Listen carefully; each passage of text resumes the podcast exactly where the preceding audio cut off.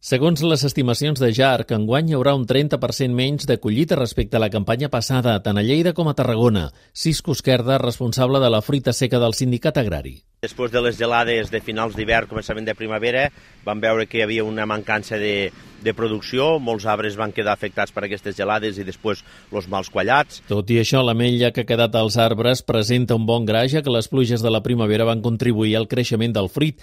D'altra banda, la caiguda de producció mundial marcada per la davallada a Califòrnia, per la sequera i els incendis forestals han fet repuntar els preus de l'ametlla en les darreres setmanes. Cal tenir en compte que Califòrnia produeix a l'entorn del 75% de l'ametlla mundial aquests grans incendis a Califòrnia ens està afectant molt amb el tema de sequera, no hem pogut regar eh, el, que el, que el que volien regar, pensem que Califòrnia fa el 75% de la producció mundial, per tant, això es veurà minvat i automàticament això és un vas comunicant. Si no hi ha producció a Califòrnia, el que fa és que els preus pugen. Aquesta setmana ha començat la collita de l'ametlla en municipis com Aspa, al Segrià.